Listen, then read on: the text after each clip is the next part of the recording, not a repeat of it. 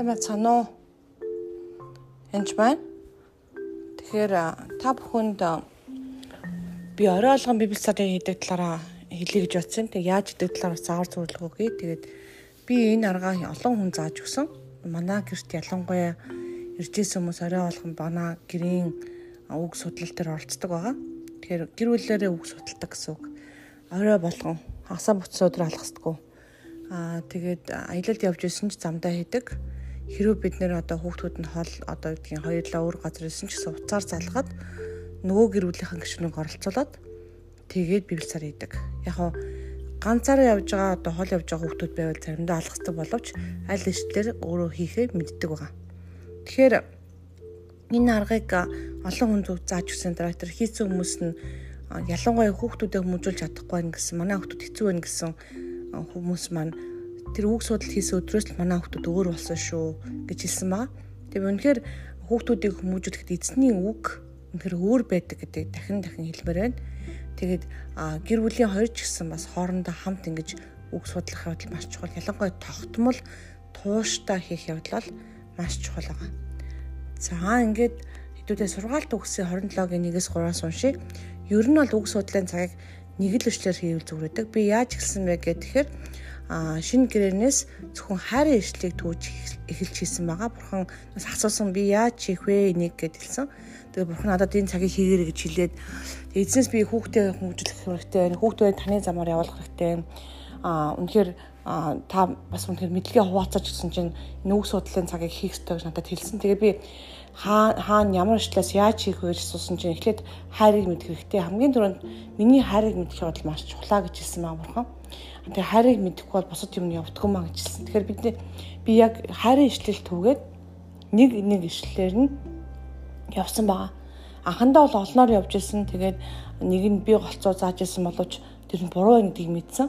Аа тэгээд яасан мэхээр хүн болгон нэг нэг ишлэлээр өдөр болгон заагаад ээлжлээд хүүхд хамаагүй аа манай хүүхд бол ерөнхийдөө нэг 5 6 тагаас эхэлсэн баг баг нь Аа тэгээд тэрнээс өмнө бол бид нэ талхлын засгаар ч юм уу гэртээ залбирдаг байсан боловч яг ингэж үг судлалыг бол тогтмол ингэж хийдэггүй байсан. Яг энэ тогтмол үг судлал хийсэнээс хойш хүмүүсийн хүүхдүүдийн мань цагаан шуурчлалтгаас гадна хичээл номдоо хандах хандлага нь сургал сур ер нь бол сурлага нь бүх юм сайжирсан байдаг. А тэгэхээр үг судлалыг хийхдээ ер нь бол нийгэм залбирдаг байгаа. Харин сүсээ бид нартай хамт байгаараа Иесусийн үгийг ойлгуулж өгөрөө тий. Тэгээд үнэхээр энэ үг бол таны амьсгалт бүхний амьсгалаар байдаг Аа тэгээ хамгийн гол нь бид яаж ойлгох вэ? Та юу хэлэх гэсэн бэ? Яг тэр үгийг чинь бид нэр ойлгох гэсэн ойлгох гэсэн маа гэж залбирдаг байгаа нэг нь хичээлийн багш багш нь бол тэгээ багш нь бол хүн нэг ишлээ бүгд уншдаг байгаа. А тус тустай биш зэрэг биш ерөөсөө ээлжиж уншдаг байгаа. Яг бол нэг ишлийг одоо ч манай гэр бол 6 хүн байлаа гэхэд зургуулаа нэг ишлийг ээлжиж уншдаг гэсэн. Тэгээ маргаашар бүр сайрхаа. Учир нь маргааш юу болохыг чи үл мэднэ гэж ишлэл байна тийм үү? Тэгэхээр маргаашаар бүү сархах, сайрах, маргааш чи юу болохыг чи үл мэднэ гэсэн ишлэл байна. Тэгэхээр чин яг энэ ишлийг уншингуудаа дараачийн хүн дараачийн ишлийг уншна гэсэн үг энийг уншина. Тэгээ уншаад дараа нь асуудал сууж болно. Эсвэл ойлгосон шууд ярилцж болно. Ерөнхийдөө Библиэс дараа хийн удирдах байгаас хамаарат тухайн багш нь өөрөө шийддэг ба. Жишээл би бол асуулт асуулт суудаг. Юу гэж хэлсэн бэ нэхэр маргаашаар бүү сарах. Сайрах гэж юу гэсэн үг вэ гэдэг юм уу тий. Учир нь маргааш юу болохыг чи үл мэднэ гэсэн үг. Тэгэхээр маргааш юу болохыг үнэхээр бид нар үл мэднэ. Юу болохыг үнэхээр мэдэхгүй. Тэгэхээр эзэнт найдаж итгэх явдал үнэхээр чухал. Аа тэгээд заримдаа ер нь 20 штээр хийж болно. Жишээлбэл 20 дугаар ном уншиж болно л доо. Тэг яар халбтай биш. Бид нэр сургаалт төгсөг одоо баг бүтэн жил уншиж байна. А шинэ гэрээ баг 3 4 жил уншсан байгаа. 3 4 жилийн турш ингээд шинэ гэрээг ишлэл ишлэлээр нь явж идэл заримдаа нэг 2 3 ишлэлээр ч юм уу явж идэл ерөнхийдөө дуустдаг байгаа. Тэгэхээр өөрийн чинь хам бус харин өөр хүн Уруулч нь бус харин гадны хүн чамайг магтаа гэсэн үг юм тийм үү? Тэгэхээр хэрийг уншлаа гэж бодоход бүгд зургаалаа уншина гэсэн үг. Тутусаа тэгээд хин чамайг магтаг гэж хэлсэн байна. Гадны хүн. А харин чи өөрөө яасан бэл өөрийгөө бити магтаараа гэж байна. За ингээд хүн болгон өөрийнхөө санаа оноог хэлнэ. Мэдээж хүүхдүүд өөрийнхөө буцаар хэлэхэд нь бити шүүгээрээ а бити санаа зовор. Тэгээд дараа нь Библи одоо үг судлалынхаа дараа бид нар бүгдээр залбирдаг байгаа. Тэг хүн болгон залбирлаад заримдаа бас харилцаа яриатай зүгээр орой болгон энэ 3 4 жил хийж байгаа юм чинь өдөр болгон бас өөр юм болж болно. Заавал тэрийг ингэж бүтцэд оруулах гал ч юм ингээл хүчлээл хүүхдүүдийг загнаал яс суу энэ гэж орилоодос байж болохгүй. Тэгээд яг энэ гэр бүлийн цаг учраас тийм ажралтай цагийг болгох хэрэгтэй. Хүүхдийг айлгаж хичээж бол болохгүй.